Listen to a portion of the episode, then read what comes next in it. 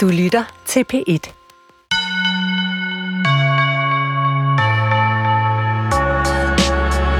Lider du af julestress? Sidder du derhjemme og er helt flad? Har coronaen smadret alle dine ferieplaner?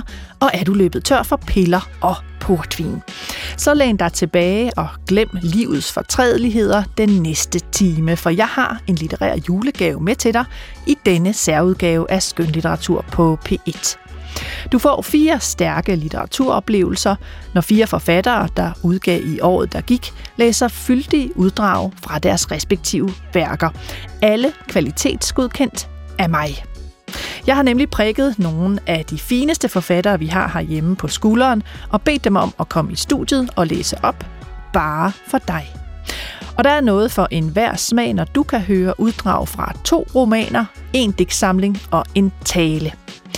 Josefine Klogart tager dig med til Mols Bjerge i sin roman Alt dette kunne du få, mens C.Y. Frostholm tager livtag med naturudbytningen i sin udgivelse Lauebær-dialogerne.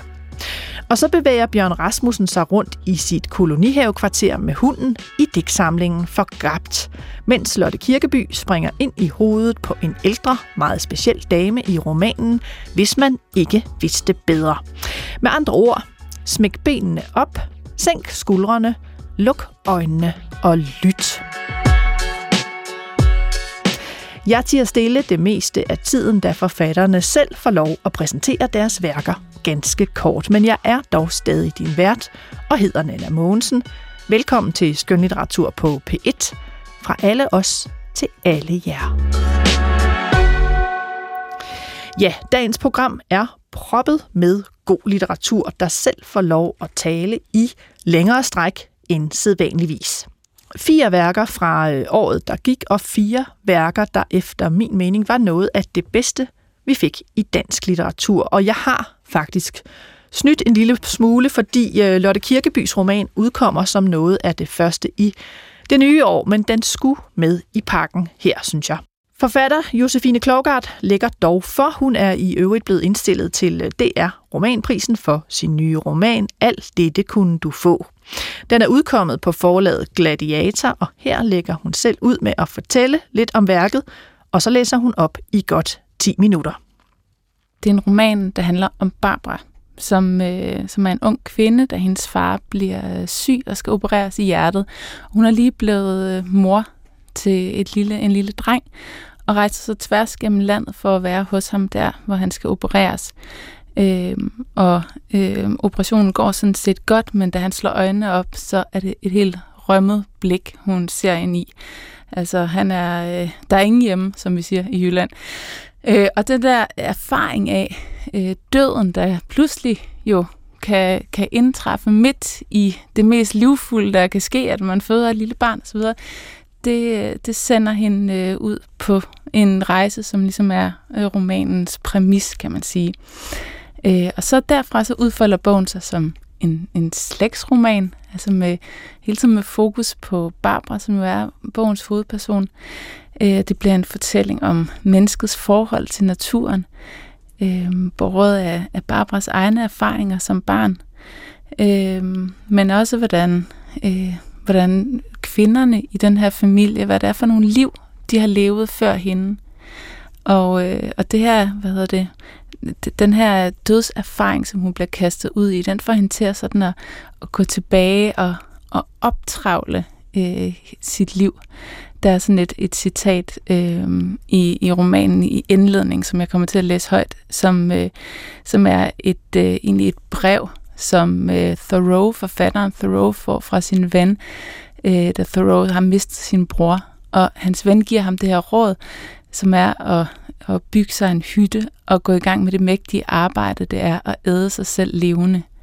Og det er altså det her arbejde med at æde sig selv levende, øh, som den her optravling af et liv egentlig, egentlig er, grundlæggende set er. Og som, som det er med vores allesammens liv, så opdager man jo lynhurtigt, når man begynder at optravle det, at det nærmest ikke er andet end forbindelser. Altså forbindelser til andre mennesker, forbindelser til den konkrete verden, til naturen omkring os. Så, øh, så er alle de her tråde, der udfolder bogen sig som en optravling af, af livet selv. Da jeg forleden besøgte mine forældre hjemme på Mold, så jeg i vindueskammen den lille røde plastikkam, vi redte min fars hår med, da han sidste vinter lå bevidstløs på hospitalet. Vintersolen, der faldt ind i værelset, gennemlyste kammen og fik den til at se blød og gennemsigtig ud, som var den lavet af ben eller horn eller et andet organisk materiale. Synet af den fyldte mig med ømhed. Hen over nogle uger i efteråret var han blevet syg. Det begyndte som en træthed i kroppen, og til sidst lå han hen i en feberdøs, bleg og koldsvedende, og med et uldtæppe trukket helt op under næsen. Hver gang Sonja forlod stuen, frygtede hun, at han ville være død, når hun kom tilbage. Jeg har forestillet mig, hvordan hun, når hun om eftermiddagen arbejdede i haven, kunne gå i stå sådan, med foden på en spade, lænet ind over en rive, eller at hun kunne stå med de store arbejdshandsker på hænderne, armene hængende slapt ned langs kroppen, mens hun så op mod vinduet i gavlen og tænkte, det var så det, alt er slut. Hun nærmest bar ham ud i bilen. Erik, det er det to meter høje og bredskuldrede menneske, hun slæbte ham gennem huset, ud i bilen, fra bilen op ad trapperne, til lægehuset, fra venteværelset og ind i konsultationen. Da ambulancefolkene en halv time senere hentede ham der, to fuldvoksne mænd, der asede og masede med borgen, hvor hun har følt sig på en gang titanisk stærk og lige så hjælpeløs som et stankelben i en barnehånd. De var to kirurger om at operere ham. De udskiftede den af betændelse tærrede hjerteklap med en kalvs og erstattede et stykke af hjertebuen med et rør gjort af kunststof. Da de endelig ringede, var det langt ud på aftenen. Min mor, min søster og jeg ventede hjemme i huset på Mols. Jeg sad med fødderne op på askeskuffen og ammede lille Bell, mens jeg i hemmelighed betragtede min mors ansigt. Jeg må være kommet til at klemme ham, for da jeg så ned igen, havde han sluppet brystet og lå og så forundret på mig. Næste morgen på opvågningsstuen fandt vi ham sovende. Det er sært, sagde Tænder, en ung sygeplejerske, men vi kan ikke vække ham. Men måske hvis I er her. Min søster og jeg nikkede, og så skruede de igen ned for den beroligende medicin, der tilløb hans krop gennem en af de mange slanger. De instruerede os i at holde hans arme, så han ikke i vildelse skulle flå respiratorslangen op af halsen, når han kom op til overfladen, som de sagde. Han var overraskende stærk, givet at brystbenet lige var savet op og vundet sammen med metaltråd. Vi måtte lægge kræfter i for at holde hans arme nede – Disse forsøg på at vriste sig fri af vores greb fik mig til at tænke på de heste i min barndom med redsel i akt 2, når de nægtede at gå gennem en dør ind i stallens mørke eller op i en hestetransport, og som kastede sig bagover, kæmpende i rebene. Det var i løbet af disse horrible minutter, at han slog øjnene op og så på mig, med ubærligt store pupiller og uden nogen form for genkendelse, hverken fra min eller hans side – Hans øjne virkede rømmet for sjæl, hvis man ellers kan bruge sådan et udtryk. Det var som at se ind bag en kulisse og opdage et uendeligt fald ude i et øde bagved. Som fandtes der i det store mørke ikke en eneste erindring, et eneste billede at hæfte sig ved. Det var mærkeligt, sagde Tænder og skrud igen op for den berolige medicin, så alle hans muskler slappedes, og hans krop faldt tilbage i madrassen. Senere den dag overflyttede de ham fra opvågningsstuen til intensivafdelingen. Vi gik efter sengen som et gravfølge efter en kiste. Ind på stuen, hvor vi satte os til at våge over ham. Ud på aftenen tog vi hjem, og tidlig næste morgen kørte vi tilbage til Skyby sygehus, hvor alting gentog sig. Armene, vi holdt dem fast, mens han forsøgte at vriste sig fri. Han slog øjnene op, og de var tomme. Vi forstår det ikke, sagde kirurgen. Operationen er gået godt, men indimellem ser vi, at patienten ikke vågner fra narkosen. Det er sjældent, men det sker, at de ikke kommer tilbage. I de syv dage, der fulgte, så vi tænder, når hun efter sin vagt fandt tid til at gå forbi hans stue. Vi kunne i agtage hende gennem glasruden, hvor hun stod lænet ind over et bord og læste i hans journal eller talte med den vagthavende læge. Hver dag virkede hun mere bekymret end den foregående. Hendes blik var tungt af medfølelse, og hver aften kørte vi i stillhed de sidste 100 meter hjem gennem Poppel op over bakken af vejen, der løber mellem Globsgård og Sivarts, og bilens lygter lyste træerne op med et bleggult lys. De stynede kroner lignede næver, rakt trone op mod himlen. Jeg har læst, at en ven til forfatteren Thoreau, da denne var kastet ud i sorgen over at have mistet sin bror, gav ham dette råd.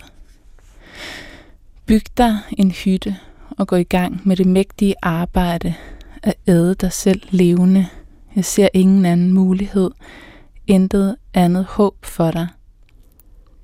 Det år, der nu er gået, siden min far faldt ud af verden og så tilbage på mig med det rømmede blik, har været sådan et arbejde. At æde sig selv. At fremkalde det hele, alle billederne, der er i færd med at forsvinde. Og jeg springer lidt ind i romanen her, er, er Barbara Barn, og de er på sommerferie ved Svinkløv i Nordvestjylland. Lyden af en tør gren lagt hen over et knæ, sejt og knagende giver fibrene sig og springer, mens natten bøjer sig ind over huset og lægger hele sin vægt i. Barbara vågner ved tordenværet. Fronten nærmer sig fra øst, inde fra land og lukker sig omkring sommerhuset. Store dråber, der falder tungt på tagpappet. Det lyder organisk som en krop, ikke hårdt som småsten, men blødere, som var det dyr. Insekter, der bliver slået i stykker, når de rammer taget og kastes tilbage op i luften i en ny form. Små, næsten usynlige dråber, der falder på taget og løber ned over det ro tagpap, løber i tagranden og ned gennem nedløbsrøret. Barbara ligger stille i sengen, lytter til den rislen forrørende rørene ude på den anden side bag brædderne og isoleringen, lytter til den murende lyd af torden, der kommer og går ud over havet et sted, og hun synes, det hele taler sammen og forbinder sig i hende. Hun ligger og prøver at lade være med at røre på sig. Selv den mindste bevægelse forekommer det hende vil være nok til at ødelægge den fint vibrerende erfaring af altings samtidighed og forbindelse, som hun ikke har sprog for, men mærker så tydeligt nu. Dråberne, der falder i lyngen, i sandjorden langt væk. Bugten, der lyses op, når lynet slår ned et sted ud over havet tordenværet, der ruller ind over dem og lyser hele stuen op.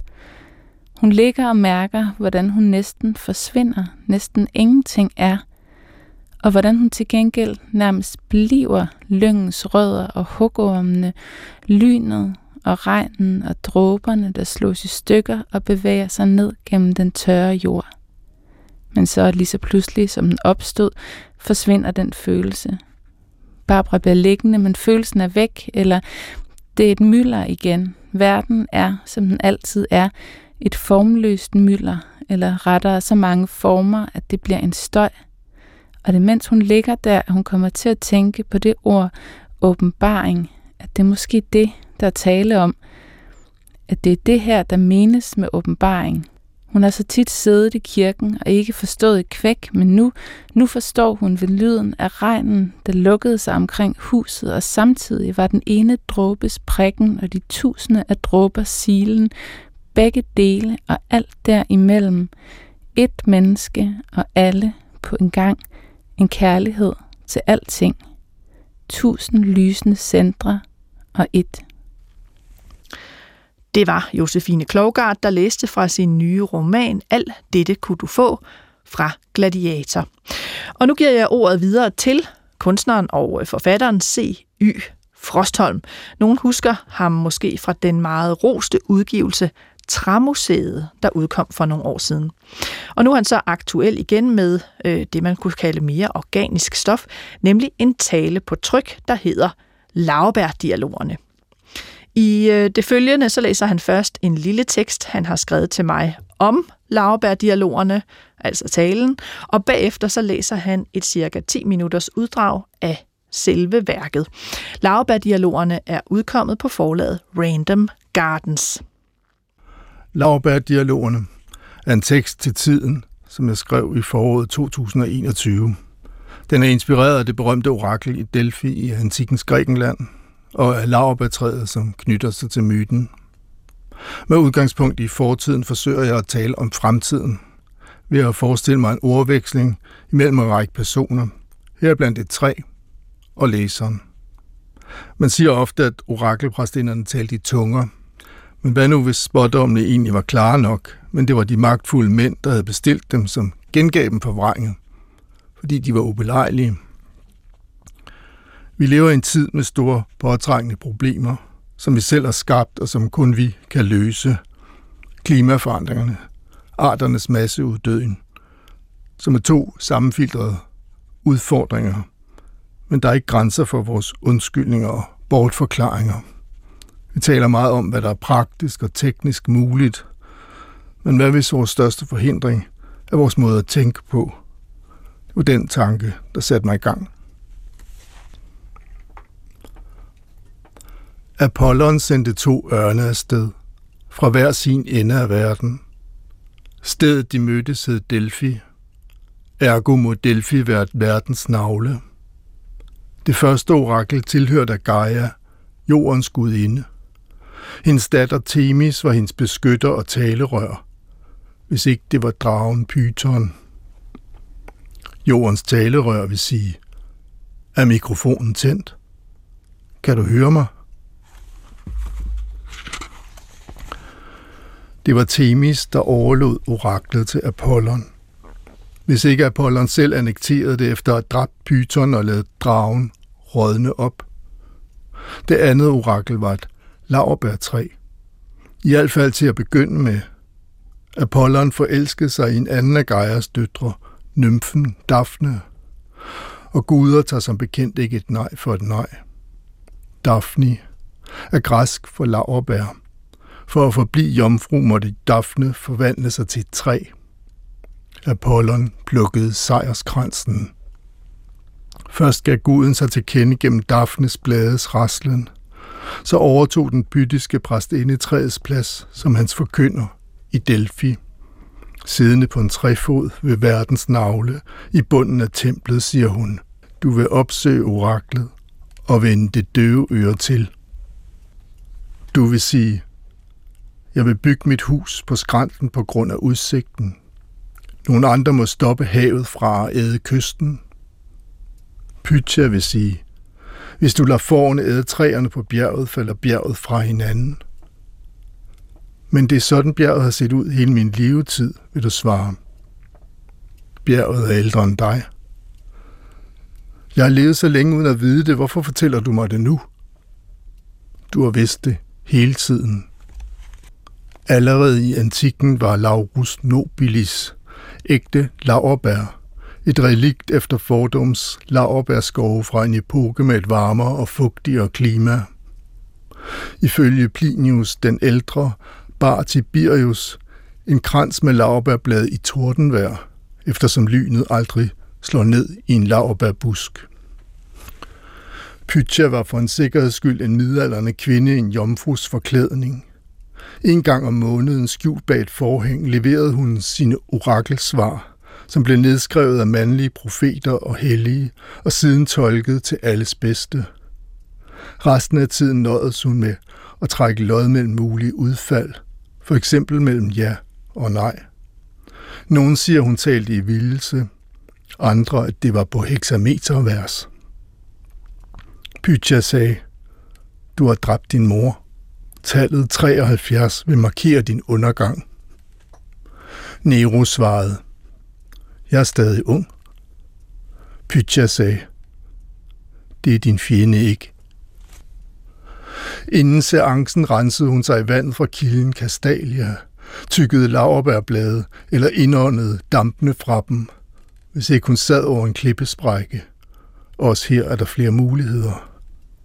Pytja sagde, drik af kilden, så skal du få at vide, at du vil blive kejser. Og Hadrian sagde, Nu hvor jeg er blevet kejser, vil jeg, at kilden skal mures til. Pytja sagde, grav ikke kanalen. Hvis Søvs ville have haft en ø, ville han have skabt den. Bjergene har naturen frembragt til eget brug som en konstruktion til at holde sammen på jordens indvolde, tilføjede Plinius den ældre senere.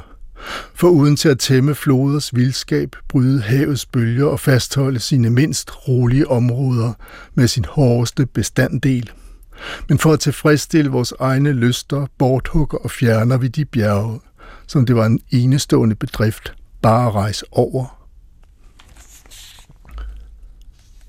Du vil opsøge oraklet, og stemmen, som taler gennem løvet, vil sige, du vil ligge, som du har ret. Du vil sige, jeg ser ikke de store katastrofer for mig. Oraklet må have spist laverbærblade. Stemmen vil sige, du vil skide i din egen rede. Du vil sige, Pytja må have indsnuset giftige dampe. Stemmen vil sige, du vil save den gren over, du sidder på, og du vil stadig virkelig overrasket. Du vil sige, jeg har rejst så langt for at høre svaret, så skal det ikke fremsiges af en sindsforvirret kvinde.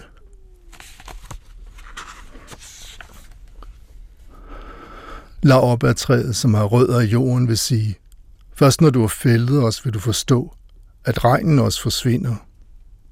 Du vil sige, jeg elsker træer. Jeg bad jer bare om at flytte jer lidt. Jeg skal forbi. Træet vil sige, du er ikke på gennemrejse. Du hører til. Du vil sige, jeg bor i en lille æske i min hånd. Stemmen vil sige, du må lægge fundamentet uden at vide, hvordan du skal bygge taget. Du vil sige, jeg vil bare tilbage til normalen. Stemmen vil sige, valget vil ikke stå mellem, hvad der var og hvad der er, men imellem, hvad der er og hvad der kommer til at være, hvilket ofte vil være ingenting. Politikeren vil sige, jeg kan ikke få øje på win-win-situationen. Floden vil flyde over med affald og slam. Så vender jeg den, så den strømmer væk fra mig selv. Vandet vil stige, og du vil ingen steder længere kunne gå i land. Så bygger jeg en ø. Jorden vil være giftig. Så træder jeg op på en stol. Du vil blive ved med at begå den samme dumhed på et højere niveau. Daphne overlevede som et lavbærtræ, og træet blev Apollons, ligesom en var Søvses og oliventræets Athenas. Daphne er hunkøn, Laurus er hankøn. Lauerbær er enten intet eller fælles køn, alt efter om det er træet eller frugten, du taler om. Den enkelte laurbærplante bærer enten han- eller hunblomster, men at tale om et han- eller hundtræ vil nok være en konstruktion. Olien fra bladene regnes for en maskulin note. Jordens gudinde Gaia, hendes talerør og dragen, overlevede i form af pytjerne. Hvem der taler igennem hvem nu, står ikke længere helt klart. Stemmen vil sige, jeg skammer mig over mine replikker, men i det mindste kan jeg sige dem igennem det her slør.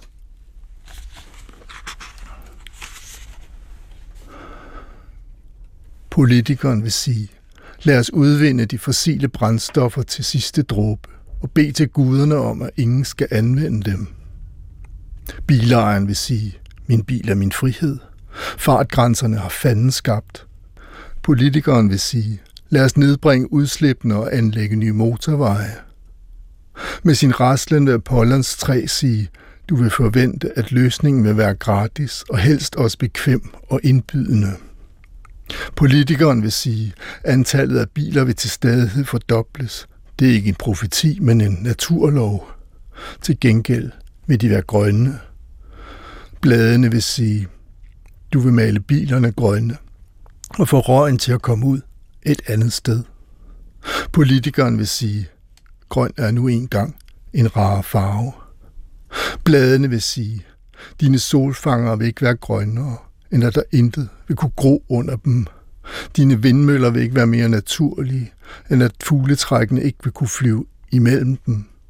Jo mere du vil forvente af din såkaldte bæredygtighed, jo mere vil du udhule landskabet. Bilejeren vil sige, du skal ikke gøre mig til søndebuk.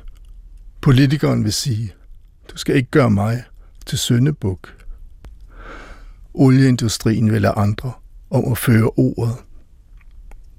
Lauerbærtræet vil sige, der er intet tilfældigt over det mønster af tavshed, din eksistens er omgivet af.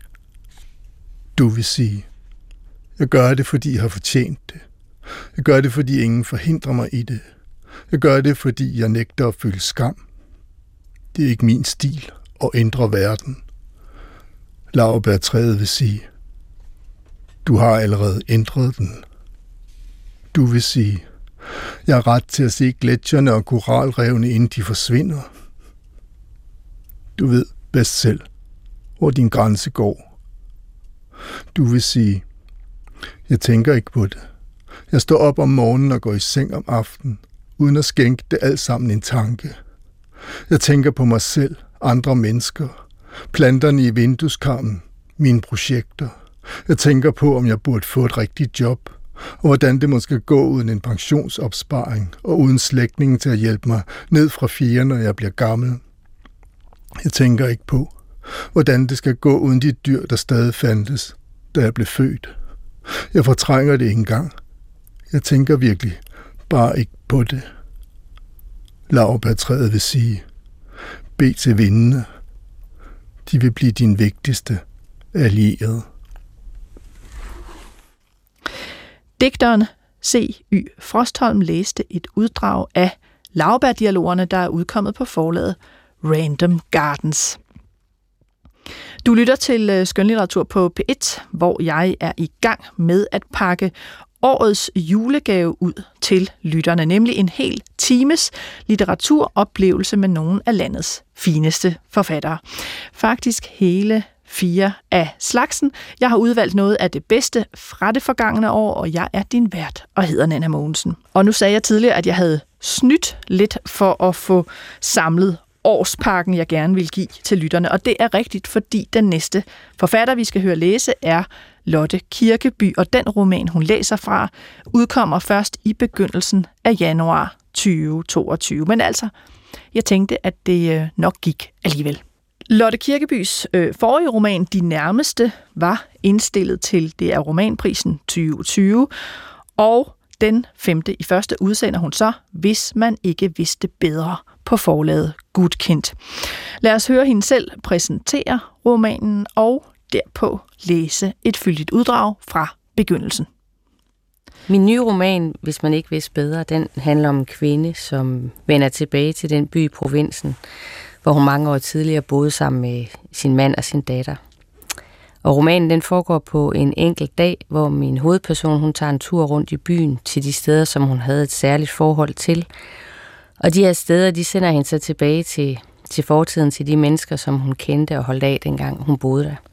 Jeg ser selv romanen som sådan et portræt af en kvinde, der står og hvis altid har stået sådan lidt skævt i sin tilværelse.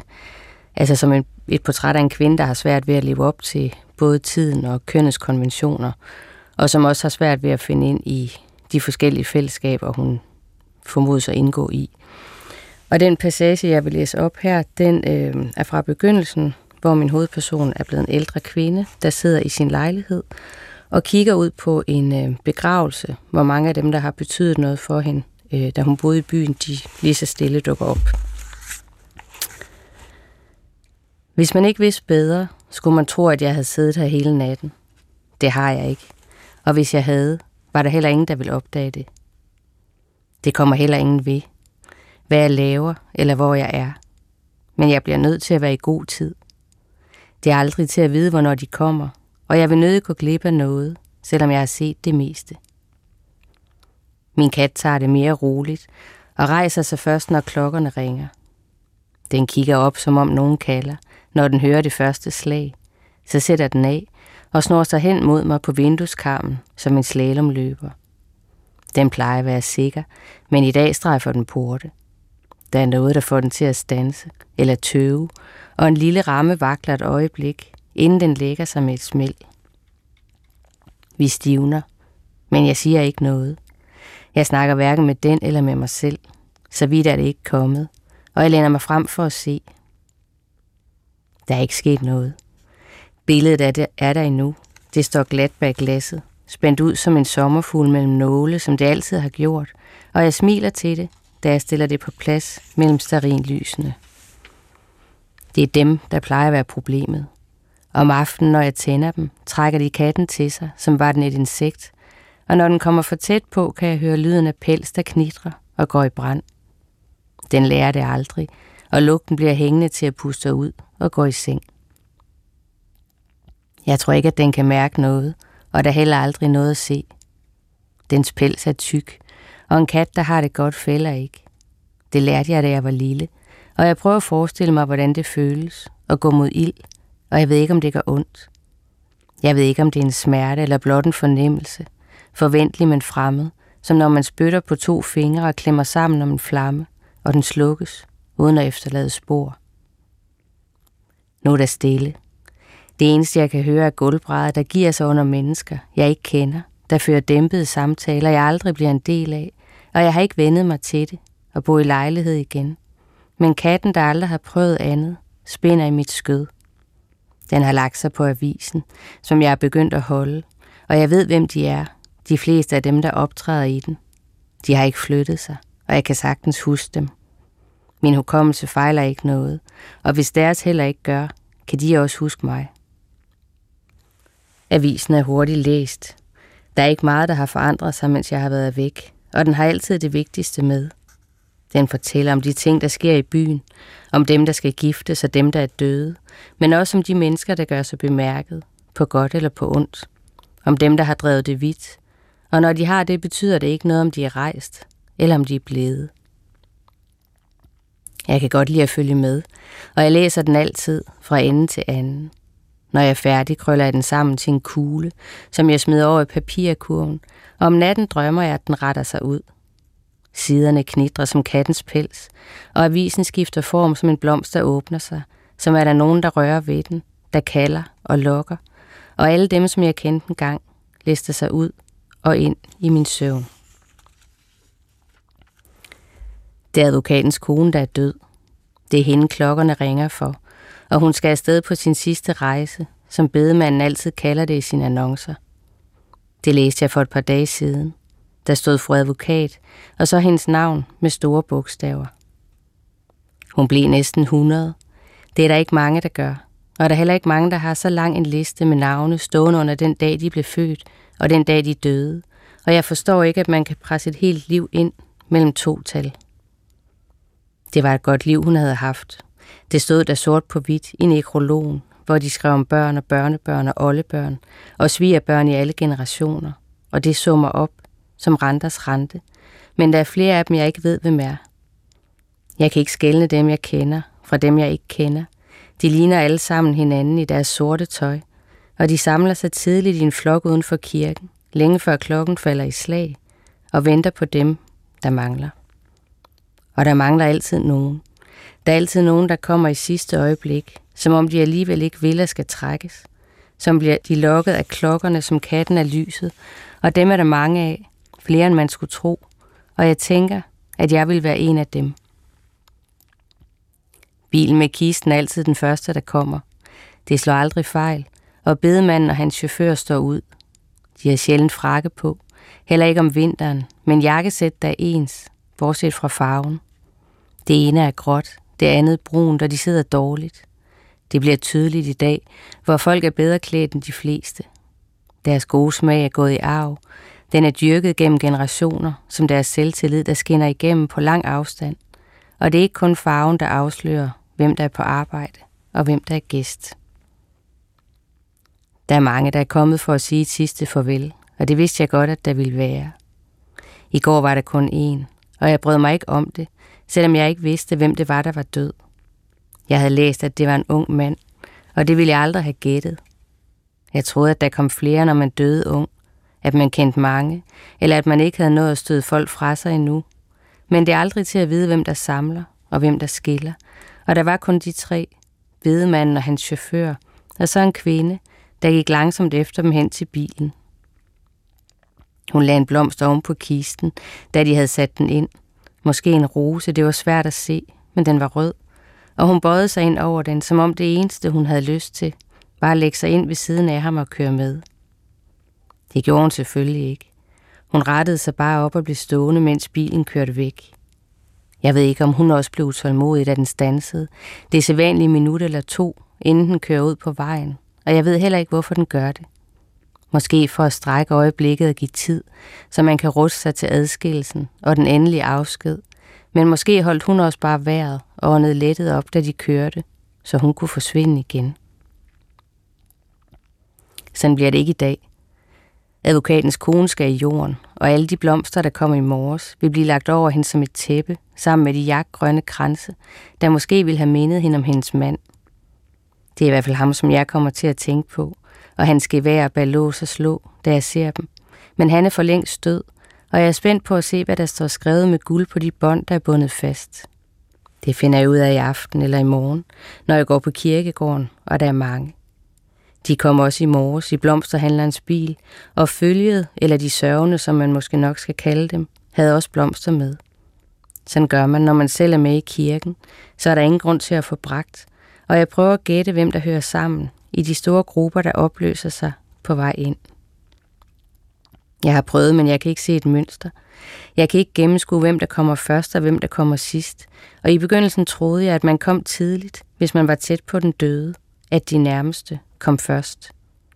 Sådan ser det ikke ud til at være, og jeg ved ikke hvorfor. Måske har nogle af dem, der kommer først, noget at zone, eller noget, som de ikke fik sagt. Måske vil de sige et kærligt farvel, mens de er alene, så de afklaret kan komme til sidst. Men jeg tror ikke, at det gælder i dag, for advokatens datter, der hedder Ingrid, kommer sent som en af de sidste, og hende kan jeg altid kende. Jeg kan kende hende på hænderne, der aldrig er i ro, og på højden, og jeg kan ikke forestille mig, at hun er begyndt at falde sammen, eller at jeg vil kunne snige mig ind på hende og overraske hende. Min skridt, sagde hun, lignede ingen andres. De ville altid afsløre mig, også selvom hun måske ikke ville kunne kende mig igen. Men jeg kan kende hende. Jeg kan se hendes silhuet selv med lukkede øjne, og jeg ved, at hun stadig er smuk på den måde, der får andre kvinder, og måske også mænd, til at tro, at hun ikke behøver at være andet, at det er alt nok, men de tager fejl. Vi tog alle sammen fejl, og jeg ved, at jeg har savnet hende. Hun var min ven, og vi var de bedste, sagde hun altid, når nogen spurgte, og nu forstår jeg ikke, hvorfor jeg aldrig svarede. Jeg skulle have sagt ja, eller i det mindste nikket og bekræftet, men jeg blev aldrig overbevist om, at hun havde ret, selvom hun var den eneste, jeg havde. Ingrid forsvinder ind i kirken med sit slæb af mennesker, som er de syede på hende med usynlige sting, og jeg ved, at de må være der alle sammen, selvom jeg ikke fik øje på tvillingerne, som jeg har set vokse op og næsten forløst, eller hendes mand, som hedder Nils, som jeg kendte før alle andre, og så lukker bedemanden døren. Flaget har stået på halv siden i morges. Det hænger slapt ned, og det er sjældent. Vinden kommer næsten altid fra vest, og uanset hvor lidt eller meget den har fat, blæser det op, når fladet går på hel, og det folder sig ud, som peger det på mig, for at gøre opmærksom på sig selv. Men det er slet ikke nødvendigt. Jeg er her, og der er ingen grund til at strenge sig an. Jeg har siddet i stolen siden i morges, og jeg skal nok komme. Men ikke før de andre er gået. Ikke før kisten er firet ned i jorden på det store gravsted, hvor der er plads til dem alle sammen, og det er ikke svært at finde. Jeg ved godt, hvor det er. Bag det høje hegn af smedjern. Og når de er væk ved at læse, hvad der står på de hvide bånd, der vil ligge som lander på graven, hvor jorden er kastet som en lille høj. Den skal nok sætte sig, som den gjorde, når vi plantede buske og træer i haven, eller når vi begravede de fugle, der fløj ind mod vinduerne, der gik fra gulv til loft. Og jeg vil blive stående, som de andre gør om lidt. Men jeg vil være alene, sammen med alle de døde, der troede, at de var uundværlige. Men det er der ingen, der er, og det vil jeg vist til fuglene. De sidder altid i træerne, så venter de på bryllup og ris, der bliver kastet efter nygifte, så de bliver frugtbare for mange børn, måske fire som Ingrid. Men de ved ikke, at de små korn vil svulme op i deres maver, når de drikker vand, og måske næsten eksplodere. Og de ved heller ikke, at den enes lykke godt kan være den andens død. Klokkerne tager til i styrke. De overdøver snoren smæk mod flagstangen, der om natten snyder mig, så jeg tror, at jeg hører skridt i grus, men jeg er fanget af asfalt og fliser, og det er blæst op. Det er ikke bare noget, jeg bilder mig ind. Og de kommer gående ud med kisten. Ingrid bærer ikke. Det er stadig mest for mænd. Og måske er det Nils, der altid fik mig til at smile, som jeg kan se, for os til højre. Så rejser katten sig. Den er væk, før sidste slag dør ud, før følget forsvinder bag kirken, og jeg bliver siddende og betragter deres rygge og katten, som har lagt sig i strikkekurven oven på den grønne trøje. Den blev færdig i går. Der skal bare hæftes ender, men jeg er bedre til begyndelser end slutninger. Det har altid været, og det vil tage tid. Men det er lige meget, tænker jeg ved mig selv. Snart er det sommer, så er den alligevel for varm. Og jeg tænker også på advokatens kone, som har fået fred. Det har de andre også. De har fået fred til at huske hende, som de vil, og de kan fremkalde deres minder og fixere dem i de minutter, hvor bilen standser og holder stille, inden den kører videre, eller hvor jorden kastes. De kan sortere dem, gemme de gode og lade de dårlige fare og måske helt forsvinde. De kan selv bestemme, hvornår de vil finde dem frem, og måske er døden det bedste, hvis man gerne vil blive sammen. Den smukkeste måde at skilles på. Det var Lotte Kirkeby, der læste et uddrag af sin kommende roman, Hvis man ikke vidste bedre. Den udkommer den 5. januar på Gudkendt.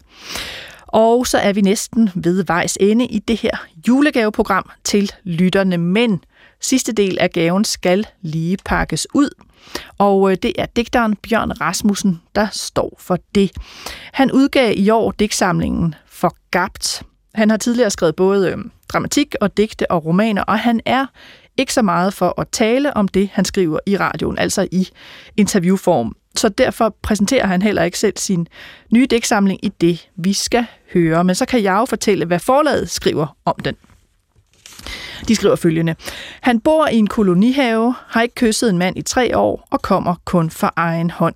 Han går ture med sin hund, læser H.C. Andersen og drømmer om at blive en havfrue.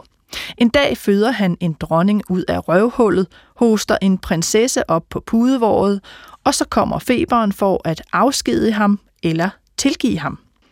Forgabt er digte om at være alene, om ikke at blive berørt af menneskehånd, og om at finde andre former for intimitet, lyst og kropslighed end seksualitetens. I Forgabt opløser Bjørn Rasmussen membranen mellem drøm og virkelighed, og lad det være den hæftigste affære. Ja, det skriver altså forlaget. Lyt med her i øh, det følgende, hvor Bjørn Rasmussen læser hele marts-suiten fra dæksamlingen og en del af april, også her i Forgabt. Forgabt efter tysk vergaffen, egentlig gabe, det vil sige glo for meget på noget.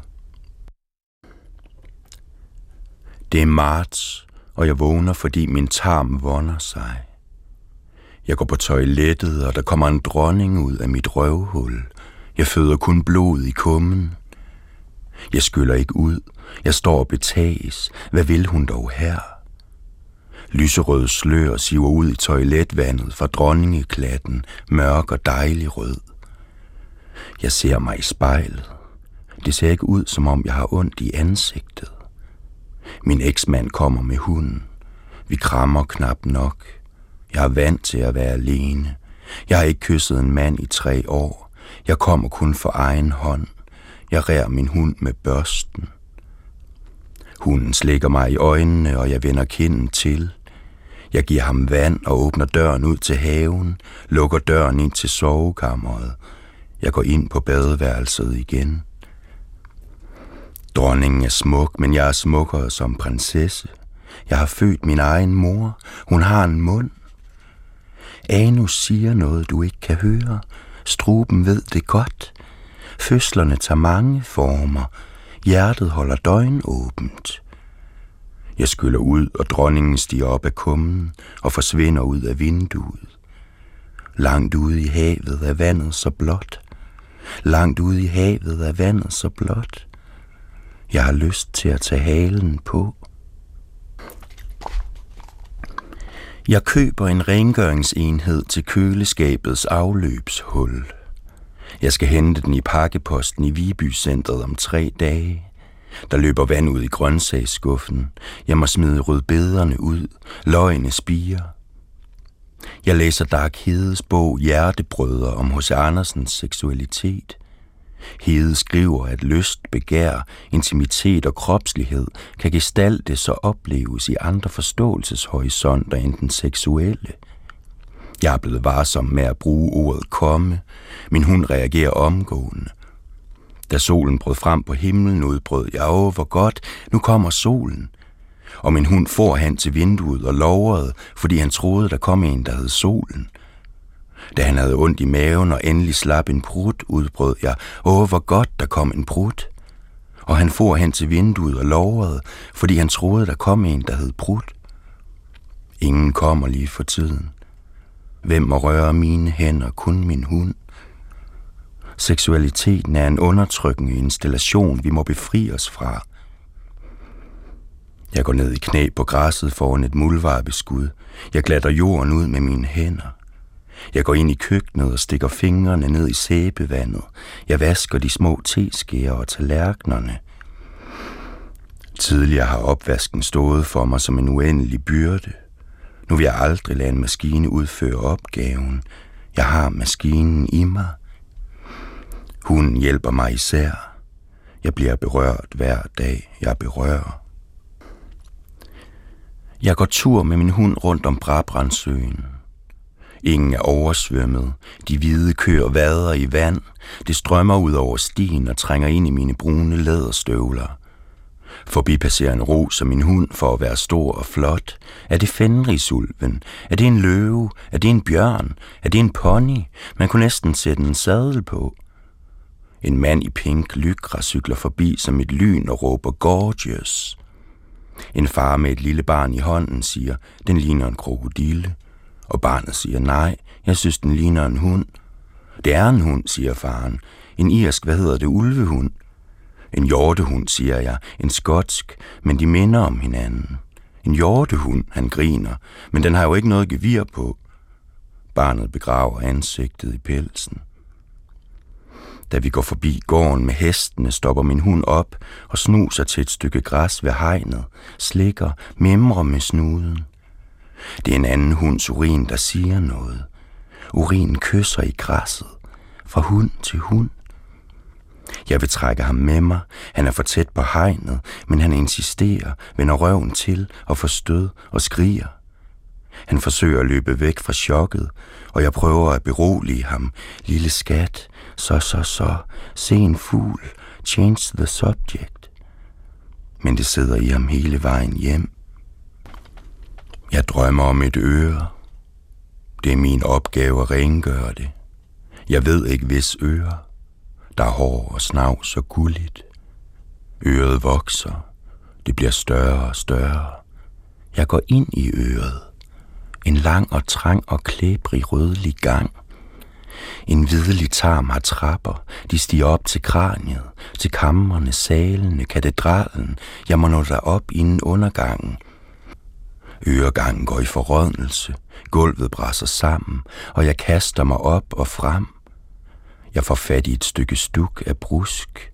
Jeg hænger i kadaveret. Det her er efter syndfloden.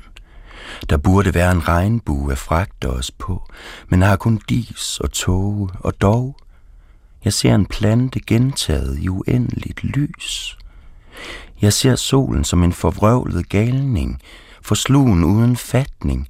Kom, så står vi op, kalder alle gustne hjerter frem. Vågner med det tørreste smil. Hvor meget pels skal en hals rumme? Støv vil ingen ende tage på plankegulvet. Solen skærer sine skrå flader ind i kammeret og hen på væggen, som om den sagde, jeg vil lige synge færdig. Akeleje, akeleje, akeleje, solen er der hver dag.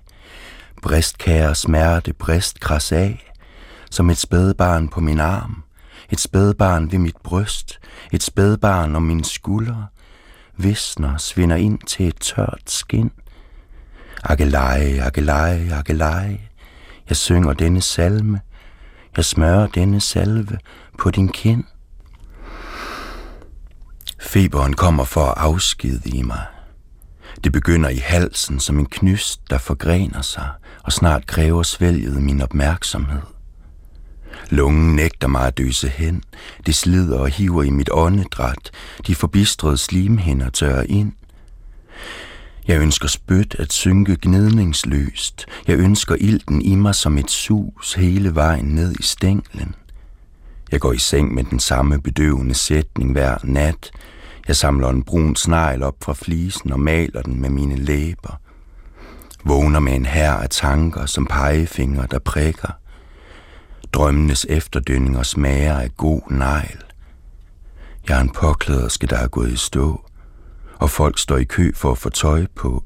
Jeg står ved bøjlestativet i garderoben og stivner. Jeg skifter det svedige sengetøj, sætter vand over i kedlen og skolder kammen. Jeg rærer min tunge med kammen. Tungen består af pels, drøbelen rødgræn. Brune klumper af slim fra skilsmissehusten pletter spejlet. Hvorfor er jeg bestand som menneske? Hvorfor er mine organer utro?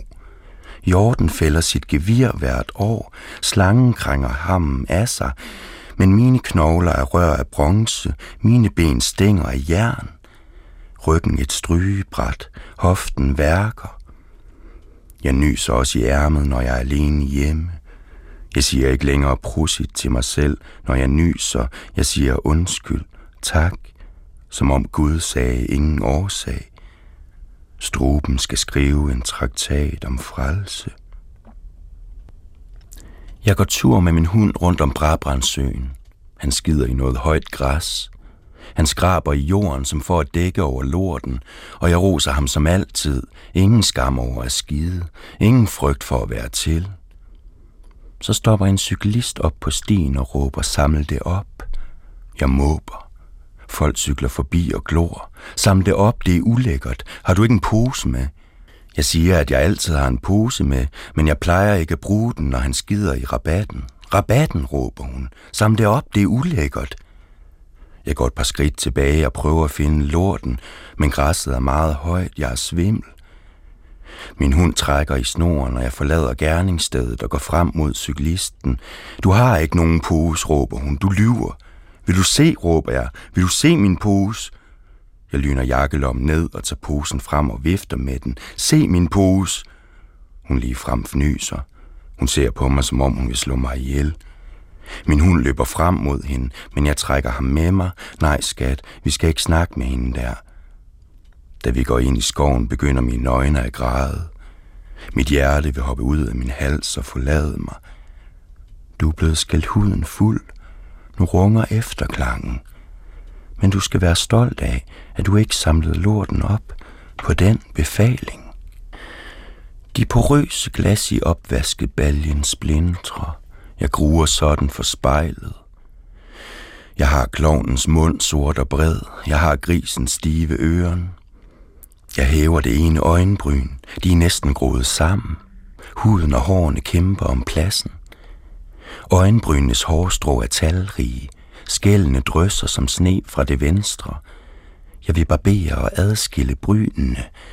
Eller jeg vil endnu bedre fremvokse stykket, så der er tale om et eneste langt bryn.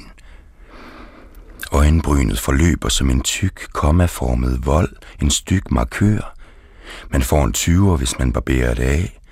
Man får noget af et postyr i gadebilledet i så fald. Ingen bifalder et asymmetrisk ansigt.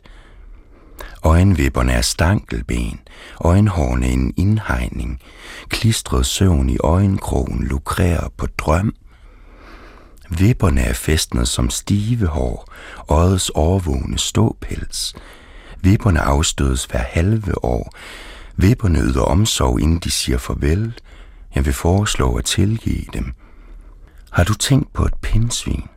Har du tænkt så langt som til et pindsvin? Eller vil du hellere røre ved en muldvarps skin? Et pindsvin har noget til fælles med et træ. Du kan tælle overringene i knoglerne, i manglen på protein, da det hvert år kravler i hi for vinteren. Jeg tæller skældene et for et. Det er sjælens forstand, der fælder. Det er kommaet, der takker af. Jeg har annekteret tørken, hvorimod bæveren, bæveren dykker, og membraner glider ned over bæverens øjne, for at hindre partikler og snavs i at genere eller skade øjnene. Bæveren har en fjerde tårnegl, som er delt i to, som en kam, så den kan ræse sin utrolige pels. Bæverens afskårende pels udgør foret i min høje hat. Jeg hilser på mennesker på gaden, men de hilser ikke igen.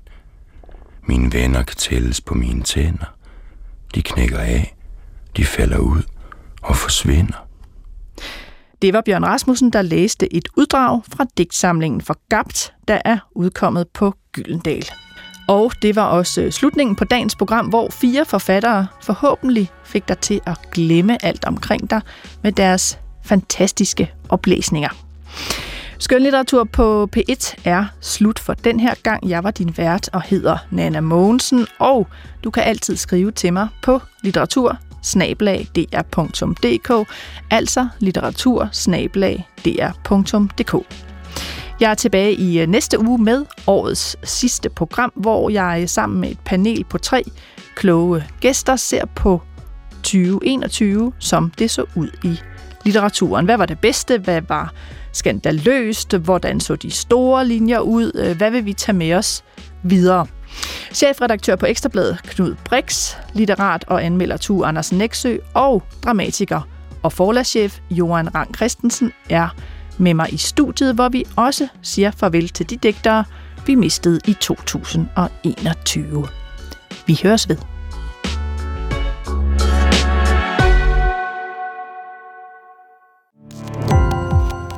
Gå på opdagelse i alle DR's podcast og radioprogrammer. I appen DR Lyd.